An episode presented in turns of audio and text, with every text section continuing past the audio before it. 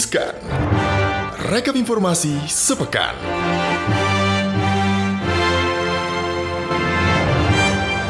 Selamat pagi, selamat siang, selamat sore, selamat malam, Sobat Cuan. Apa kabar? Hai Sobat Cuan, balik lagi nih di segmen Riskan, rekap, informasi, sepekan. Ada gue Gibran. Ada gue juga Angel yang bakal ngasih kalian informasi yang hot gitu ya selama seminggu ini ada apa aja sih. Mhm. Langsung aja kita masuk di berita yang pertama ini ada yang breaking news sempet ya Betul. karena resmi Tokopedia dan Gojek merger. Congratulations for Tokopedia and Congratulations. Gojek akhirnya menjadi go-to. Jadi belum sepekan nih usai hari libur Lebaran, dua startup dengan valuasi paling jumbo di Indonesia yaitu Gojek dan juga Tokopedia memberikan sebuah kejutan pada hari Senin 17 Mei 2021 lalu. Keduanya resmi menikah alias merger. Namanya adalah GoTo Group. Jadi penggabungan bisnis keduanya ini menjadi yang terbesar yang dilakukan di Indonesia dan juga Asia. Jadi bisa dikatakan merupakan perusahaan teknologi terbesar di, Indonesia. Dalam keterangan resminya juga, GoTo Group ini menggabungkan e-commerce, layanan on-demand, dan layanan keuangan. Menciptakan platform pertama di Asia Tenggara yang menampung tiga kasus pengguna penting ini dalam satu ekosistem. Wow. 2020 aja nih tercatat total nilai transaksi bruto grup atau GTV-nya ini lebih dari 22 miliar US dollar dengan lebih dari 1,8 miliar transaksi di tahun tersebut. Dan total armada pengemudi yang terdaftar lebih dari 2 juta orang pada Desember 2020. Eh, jumlah mitra pedagangnya sendiri nih mencapai lebih dari 11 juta per Desember 2020. Wow. Nah, Presiden GoTo Group Patrick Chow ini mengungkapkan bahwa model bisnis ke depannya akan lebih beragam, stabil dan juga berkelanjutan. Katanya nih, GoTo Group itu menyumbang lebih akan menyumbang lebih dari 2% dari PDB Indonesia. Artinya Wow. sekitar kurang lebih 300 triliun rupiah karena PDB Indonesia 2020 itu 15.000 triliun rupiah ya. Dan akan menciptakan lebih banyak lagi lapangan kerja dan juga peluang untuk memperoleh pendapatan seiring dengan pertumbuhan perusahaan dan ekonomi dari GoTo Group. Dan yang masih dinantikan sama eh, Sobat Cuan nih pasti adalah tentang IPO-nya mereka ya. Benar. Gimana nih ke depannya IPO? Siapa yang udah siap-siap beli saham GoTo Group gitu? Karena kalau kita lihat eh, total apa ya dana yang akan dihimpun rencananya adalah 18 miliar US dollar ya. Iya, yang kita- dihimpun dari investor maksudnya. Benar. Nah, tapi kan itu tidak bisa terserap semua dari pasar. Jadi Iya. bisa dikatakan akan melakukan dual listing. Nah, dual listing itu ada di Bursa Amerika Serikat dan juga di bursa domestik atau di BEI tentunya. Oke deh, tunggu aja kalau gitu ya bagaimana hasil Bu semangat Bu. Eh, semangat, Udah nyiapin semangat, ya, semangat. udah nyiapin uang dinginnya. Oke, kita ke informasi yang kedua ini ada ketakutan Pak Jokowi soal gelombang kedua dan juga lockdown di Indonesia. Betul, Pak Presiden Joko Widodo ini men- eh, mewanti-wanti pemerintah daerah untuk waspada terhadap gelombang kedua COVID-19 usai libur lebaran. Untuk itu, Presiden Joko Widodo meminta seluruh pemerintah daerah untuk mewaspadai munculnya gelombang kedua maupun ketiga penularan wabah COVID-19 dan menginstruksikan adanya pemberlakuan pembatasan yang lebih ketat. Mhm, Pak Jokowi juga menyatakan bahwa ada sekitar 1,5 juta masyarakat yang nekat melakukan mudik selama periode larangan mudik pada 6 hingga 17 Mei kemarin termasuk mungkin yang marah-marah kemarin itu ya Ya, yang ada di sosmed Kena sosial media. marah-marah. Itu tiga orang dari 1,5 juta masyarakat yang nekat melakukan mudik itu. Nah, di samping itu juga kewaspadaan terhadap risiko lonjakan kasus baru pada pandemi juga perlu ditingkatkan. Karena kita ingat kasus COVID-19 di sejumlah negara, termasuk negara tetangga kita, seperti Malaysia dan juga Singapura, ini telah melonjak sangat tinggi. Bahkan efek dari serangan gelombang baru COVID-19 itu di beberapa negara tetangga akhirnya memilih untuk menerapkan kembali lockdown sebagai antisipasi penyebaran yang lebih masif. Pak Jokowi juga nggak mau tuh Indonesia mengalami hal yang Betul. serupa. Karena kalau sampai kayak gini perekonomiannya pasti akan terganggu lagi gitu Benar. ya. Nah, di sisi lain juga juru bicara Satgas Penanganan COVID-19 Pak Wiku Adhisa Smito itu menegaskan, efek dari libur lebaran Idul Fitri ini yang kemarin ini nih baru akan terasa eh, pada 2 sampai 3 pekan ke depan. Karenanya masyarakat yang merasa melakukan mudik nih Buat sobat cuan yang merasa melakukan mudik kemarin ke kampung halaman, diminta kesadarannya untuk melakukan karantina mandiri selama 5 kali 24 jam setelah pulang ke domisili tempat tinggal. Ingat, Tujuannya baik tujuannya supaya baik. tidak eh, menularkan gitu ya, Benar. mencegah terjadinya penularan kepada keluarga terdekat ataupun orang-orang di sekitar. Pemulihan ekonomi sedang on the track, jangan sampai Anda sebagai Betul. pengacau pemulihan ekonomi dengan tidak menaati yang namanya protokol kesehatan. Bahkan sempat juga tuh yang eh, dilakukan apa namanya tes COVID mendadak gitu ya. Dan hasilnya banyak, cuy. kan? Nah, Bener. makanya. Makanya kita tuh harus tetap menjaga protokol kesehatan dan juga ya menerapkan social distancing ya. Nah, selanjutnya ini kita punya informasi ada 137 situs investasi bodong yang ditutup oleh Bapepti. Anda sobat cuan harus benar-benar memilih di mana dana Anda akan ditempatkan. Karena ternyata Baik. Badan Pengawas Perdagangan Berjangka Komoditi atau Bapepti ini memblokir 137 domain tak berizin yang menawarkan investasi perdagangan berjangka komoditi. Pemblokiran ini juga termasuk Binomo dan robot trading. Pemblokiran ini juga dilakukan oleh Kementerian Komunikasi dan Informatika. Jadi ceritanya nih Bapepti ini melakukan penelusuran. Dari 117 domain situs web yang diblokir, ada 33 domain situs web yang menawarkan investasi forex melalui penjualan perangkat lunak atau software, trading forex Smart X Bot atau Smart X Net 89. Benar. Situs-situs ini nih menawarkan penghasilan pasif atau Oh. passive income dan menjanjikan keuntungan tanpa kerugian dalam trading forex. Mana ada? Mungkin nggak sih? Anggotanya ini diminta membayarkan sejumlah dana sesuai dengan paket yang ditawarkan untuk membeli robot dan deposit dana ke pialang berjangka luar negeri. Kemudian robot tersebut akan bekerja secara otomatis tanpa perlu analisis dan open posisi secara langsung. Mungkin nggak sih? Ya, nggak mungkin. Mau cuan ya harus kerja.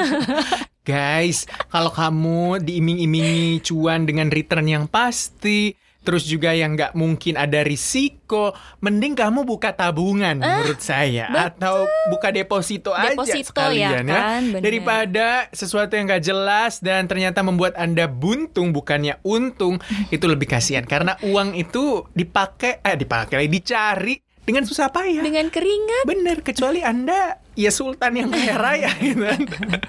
Oke, jadi bisa dikatakan dalam kegiatan ini para pelaku itu menyalahgunakan legalitas surat izin perdagangan penjualan langsung atau SUPPL yang dikeluarkan oleh Kementerian Perdagangan. SUPPL ini merupakan izin SIUPPL ya? Ya, SU SIU. SIUPPL ini merupakan izin usaha untuk melakukan kegiatan usaha penjualan langsung yaitu sistem penjualan barang tertentu melalui jaringan pemasaran yang dikembangkan penjual langsung atau bekerja atas dasar komisi dan juga bonus berdasarkan hasil penjualan kepada konsumen di luar lokasi. Nah, artinya kan ini masih bekerja kan, tapi Mhm. dia menyalahgunakan. Kepala Biro Peraturan Perundang-undangan dan Penindakan MSIS juga menegaskan saat ini terdapat perusahaan dengan izin SIUPPL melakukan kegiatan usaha penjualan yang tidak sesuai izin.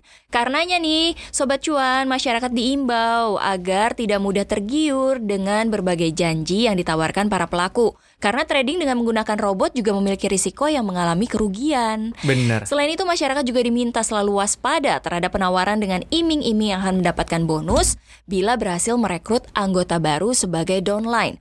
Karena dalam perdagangan berjangka tidak dikenal istilah tersebut. Ingat itu namanya MLM cuy. Kalau Anda disuruh nyari downline ya, Iya. itu bukan investasi cuy ya. Jadi bisa dikatakan jangan tergiur yang namanya janji manis kata Terry ya.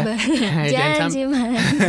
Itu nggak boleh tuh karena sesuatu yang pasti hanya milik Tuhan. Au. Penuh ketidakpastian sebenarnya hidup di dunia ini ya. Oke, kita ke informasi selanjutnya. Ini ada China yang melarang bank dan juga fintech untuk main uang kripto. Wadaw. Siapa nih yang berinvestasi di sana atau mungkin sedia, sekedar merasakan manis-manisnya beberapa waktu yang lalu ya. Karena ternyata China telah melarang lembaga keuangan seperti bank dan juga asuransi serta fintech pembayaran untuk menyediakan layanan transaksi mata uang kripto. China juga memperingatkan investor agar tidak melakukan perdagangan mata uang kripto yang dianggap pemerintah sebagai spekulatif. Pengumuman resmi ini juga disampaikan bersama oleh tiga badan, yaitu Asosiasi Keuangan Internet Nasional China, Asosiasi Perbankan China, dan Asosiasi Pembayaran dan Clearing China. Mengutip dari CNBC Internasional yang melansir Reuters, ini adalah upaya baru China untuk menekan pasar uang kripto yang sedang berkembang. Di bawah larangan tersebut, lembaga keuangan termasuk bank dan saluran pembayaran online tidak boleh menawarkan klien apa pun terkait cryptocurrency. Otoritas China juga menyebutkan bahwa penggunaan uang kripto itu secara serius melanggar keamanan properti orang, bahkan mengganggu tatanan ekonomi dan juga keuangan normal. China juga sudah melarang platform jual beli cryptocurrency dan inisial public offering atau penawaran koin perdana ICO tetapi tidak melarang individu untuk memegang cryptocurrency. Hmm, langkah ini bukanlah langkah pertama Beijing melawan mata uang digital. Jadi 2017 lalu nih Kak Gibran dan Sobat Cuan, China ini juga sempat menutup bursa uang kripto lokal yang menyumbang sekitar 90% dari perdagangan Bitcoin global. Mhm. Dan pada Juni 2019, Bank Sentral China juga mengeluarkan pernyataan yang mengatakan akan memblokir akses ke semua pertukaran uang kripto domestik dan asing serta situs web ICO yang bertujuan untuk menekan semua perdagangan mata uang kripto dengan larangan penukaran mata uang asing. Benar banget. Jadi karena kita lihat juga China itu mau sebenarnya menerbitkan yang namanya yuan digital. Iya, betul. Otomatis juga Bank Sentral China termasuk pemerintah China juga harus ya mengendalikan. Mengendalikan. Artinya seperti ya jangan sampai otoritas gue nih sebagai bank sentral lu cabik-cabik Yang dengan resmi ya, Iya, gitu. cryptocurrency karena kan bagaimanapun jumlah uang beredar juga memang harus dikontrol oleh bank sentral. Harus ada intervensi juga supaya Tidak nilai mata uangnya tidak inflasi. terlalu jatuh dan juga tidak terlalu melambung tinggi. Betul. Makanya ada sistem yang dibuat oleh dibuat. seluruh dunia atau negara-negara yang ada di dunia ini gitu. Next ke berita selanjutnya ada Andrea Meza, pemenang Miss Universe 2020. Wih, congratulations. Andrea Mesa ini perwakilan dari Mexico alias Meksiko dinobatkan sebagai Miss Universe 2020. Mesa juga mengalahkan 73 kontestan dari negara lain pada ajang Grand Final Miss Universe 2020 pada Senin kemarin. Kontes kecantikan dunia itu juga diadakan di Florida, Amerika Serikat. Sebelumnya sempat tertunda karena tahun lalu itu ada pandemi COVID-19. Betul, dan kemenangan ini menjadi kemenangan ketiga Meksiko sebagai Miss Universe.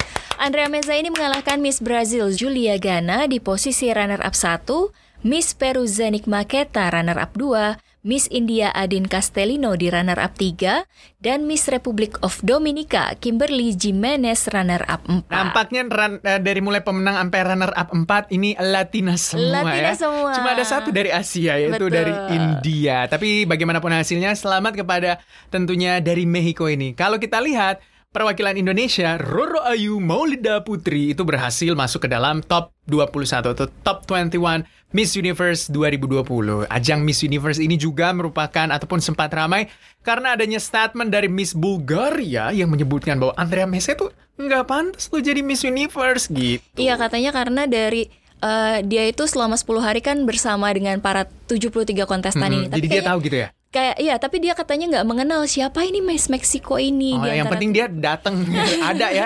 Atau tiba-tiba ada juga nggak mungkin juga pasti ada cuma mungkin nggak terlalu kelihatan nampak Betul. gitu ya. Nah, Jan juga Selain yang menjadi itu- sorotan itu sampai ke Miss uh, Universe asal Myanmar, Tuzar Win Luin ini yang dikabarkan takut pulang ke negaranya setelah membawa pesan beranda bernada kritikan gitu Save Myanmar Mhm. pada saat uh, salah satu peragaannya nasional kostum begitu ya di uh, Florida Amerika Serikat. Jadi Tuzar itu membentangkan spanduk tulisannya Pray for Myanmar. Akibatnya mm, Miss Myanmar ini jadi Takut takut, pulang ke ya kayaknya di blacklist ya sama junta militer Kayaknya Myanmar ya. gitu. Oke, semoga yang terbaik buat Tuzar gitu kan, nggak stateless Betul. dan juga nggak homeless, Betul. mendapatkan jalan keluar terbaik dari apa pun yang ya apa namanya perjuangkan ya. Oke, Sobat Cuan itu dia yang menjadi informasi selama sepekan ini. Semoga Sobat Cuan tercerahkan, hidupnya tetap aman, damai, sentosa, sehat Betul. selalu, cuan terus. Amin. Duitnya banyak ya, amin, ya robbal alamin ya. Kalau gitu kita berdua pamit dulu ya Sobat Cuan. Sampai jumpa lagi di Jumat pekan depan. Eh, Saksikan terus eh, Maksudnya dengerin terus Dengerin Cuap-Cuap terus Cuap-Cuap Cuan. Di Spotify, Apple Podcast Dan juga Google Podcast. Terus kalau misalkan mau dapat informasi-informasi menarik Seputar berita ekonomi, keuangan lainnya Itu bisa di Instagramnya cuap underscore cuan atau di CNBC Indonesia dan jangan lupa kita juga punya YouTube channel cuap cuap cuan dan yang menjadi Apaan? ditunggu-tunggu akan ada kelas cuan jangan sok Wey. kaget Jangan lupa ya Sobat Cuan, Anda kalau mau belajar investasi ikut kelas cuan. gitu. Betul. Biar per- pinter tuh, nggak sekedar ikut arus gitu. Iya. Yang ada Anda tergulung ombak. dan di kelas cuan kali ini sobat cuan bakal diajak untuk mencari harta karun wah seru Wow. banget deh pokoknya saksikan deh pokoknya tanggal eh, 3 Juni ini ya. 2021 ya. Oke, kita Yes. mau pamit dulu ya Sobat Cuan Gibran. Angel pamit dah happy weekend